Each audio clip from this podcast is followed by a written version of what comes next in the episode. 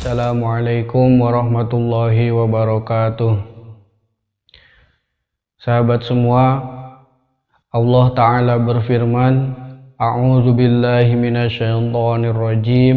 Bismillahirrahmanirrahim.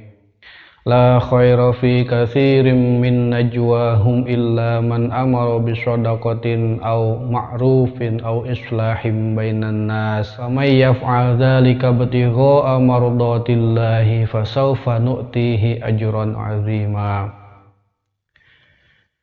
Tidak ada kebaikan sama sekali di kebanyakan bisik-bisik mereka kecuali orang yang memerintahkan bersedekah memerintahkan kebaikan, dan mendamaikan perselisihan di antara manusia.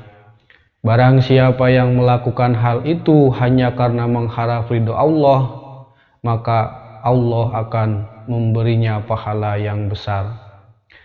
Setidaknya ada tiga poin di dalam ayat tersebut yang mana yang pertama itu adalah Allah memerintahkan kita bersedekah jika kita ingin menjadi golongan orang yang baik di mata Allah, maka marilah kita bersedekah. Karena bersedekah itu pahalanya sangat besar, bahkan Allah melipat gandakannya sampai 700 kali.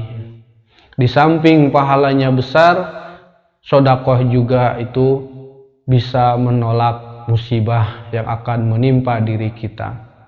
Rasulullah Shallallahu Alaihi Wasallam bersabda, bersegeralah sedekah kalian karena musibah tidak akan pernah mendahului sedekah. Artinya apa? Dengan sedekah kita bisa terhindar dari dari musibah. Seperti hanya ungkapan as-sodaqatu tadfa'ul bala bahwa sodakoh bisa menolak musibah itu memang benar terjadi. Seperti halnya saya alami sendiri jadi ceritanya itu tiga hari ke belakang di daerah kami terjadi puting beliung yang mana sebagian rumah warga ada yang rusak, gentengnya bertebangan, bahkan rumah tangga saya pun itu gentengnya banyak yang terbang, terbawa angin. Dan ada satu buah pohon yang besar di belakang rumah kami pas, jaraknya mungkin 3 meter atau 4 meter dari rumah kami. Pohon tersebut ikut tumbang karena terpaan angin puting beliung yang sangat dahsyat. Namun qadarullah atas izin Allah tumbangnya pohon tersebut tidak mengenai rumah kami sedikit pun. Sama sekali tidak mengenai rumah kami. Dan itu terjadi karena saya sebelumnya telah bersedekah dengan semampu saya, maka benar apa yang disabdakan Rasul bahwa sodako itu bisa menolak bala. Selama kita mau bersedekah, maka musibah itu tidak akan pernah mengenai diri kita. Jikapun sampai terjadi pada diri kita, tidak akan separah yang jika kita tidak bersedekah. Maka bari bersedekah dengan semampu kita. Jika kita tidak mampu bersedekah dengan harta benda, kita bisa bersedekah dengan perilaku kita, kita bisa bersedekah dengan ilmu kita karena dawuh Rasulullah tersenyum kepada orang lain pun itu adalah termasuk sedekah.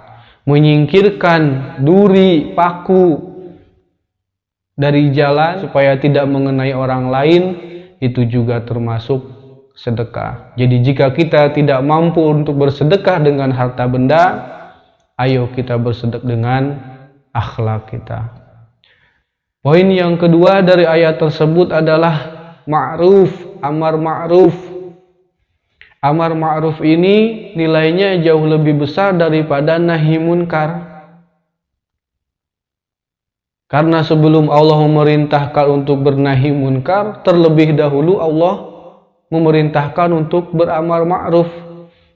Bahkan karena nilainya lebih besar inilah dalam khutbah Jumat pun jika kita mengganti kalimat takwa hanya dengan kalimat amar ma'ruf saja dengan memerintahkan kebaikan saja maka khutbah tersebut sudah dianggap sah. Sebab dalam kitab Hasyiah Bajuri Al-Abdi Qasim komentar dari kitab Fathul Qorib di sana dijelaskan bahwa tidak ta'yin tidak ditentukan wasiat takwa itu harus dengan kata-kata ittaqullah. Tidak harus dengan kata-kata usikum Allah karena arti dari takwa itu adalah menjalankan segala perintah Allah menjauhi larangannya. Jadi jika di dalam khutbah kalimat takwa atau wasiat takwanya itu diganti hanya dengan beramar ma'ruf saja dengan memerintahkan kebaikan maka itu sudah dianggap sah. Lain halnya jika hanya nahi munkar saja maka menurut ulama itu belum dianggap sah khutbahnya. Maka dari itu beramar ma'ruf nilainya jauh lebih besar daripada daripada nahi munkar. Maka sebelum kita bernahi munkar, ayo kita beramal ma'ruf, memerintah kebaikan kepada keluarga kita, memerintah kebaikan kepada saudara kita, memerintah kebaikan kepada kerabat-kerabat kita, kepada orang lain. Baru setelah kita beramal ma'ruf, lalu diiringi dengan nahi munkar. Jangan langsung nahi munkar sementara amar ma'rufnya tidak. Poin yang ketiga dari ayat tersebut adalah islahim bainan nas, mendamaikan perselisihan di antara manusia. Seperti yang terjadi di negara kita saat ini, penduduk negara Indonesia seolah-olah terbagi dua kubu, yang satu pro kepada pemerintah, yang satu kontra dengan pemerintah. Dan masing-masing dari dua kubu tersebut saling melempar caci makian saling bermusuhan saling membenci saling mengedepankan ego masing-masing. Pendapatnya lah yang betul dan pendapat yang kontra dengan kita salah. Padahal apa yang kita yakini baik belum tentu baik menurut Allah dan Rasulnya. Maka dari itu, ayolah kita sudahi perselisihan ini. Untuk apa kita berlarut-larut berselisih karena tidak ada manfaatnya sama sekali. Yang ada malah menghambat pembangunan negara kita. Yang ada adalah menimbulkan berbagai macam musibah yang lain seperti yang difirmankan oleh Allah dalam Al-Quran Zuharul fasadu fil barri wal bahri bima kasabat aidin. Telah jelas kerusakan di daratan maupun di lautan itu disebabkan karena tangan-tangan manusia. Musibah yang terjadi kepada kita dari mulai pandemi, musibah banjir, musibah longsor, dan lain-lain, itu tidak lain karena ulah tangan kita sendiri. Kita selalu berselisih kita selalu membenci padahal dengan sesama muslim yang mana Allah telah berfirman di dalam Al-Quran innamal mu'minuna ikhwatun. Sungguh bahwa orang-orang yang beriman itu adalah saudara. Lalu kenapa kita berselisih dengan saudara sendiri? Lalu kenapa kita saling membenci dengan saudara sendiri manfaatnya apa? Yang ada malah menimbulkan musibah-musibah yang berkelanjutan.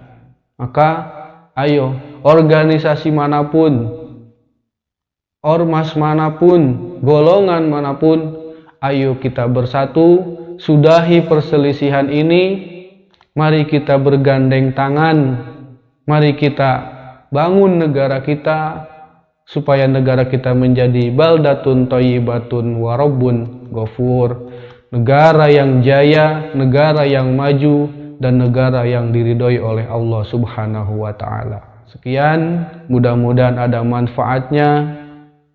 Mudah-mudahan kita bisa mengamalkan apa yang telah diperintahkan Allah dalam ayatnya. Allahul muwafiq ila aqwami tariq. Wassalamualaikum warahmatullahi wabarakatuh Thank you.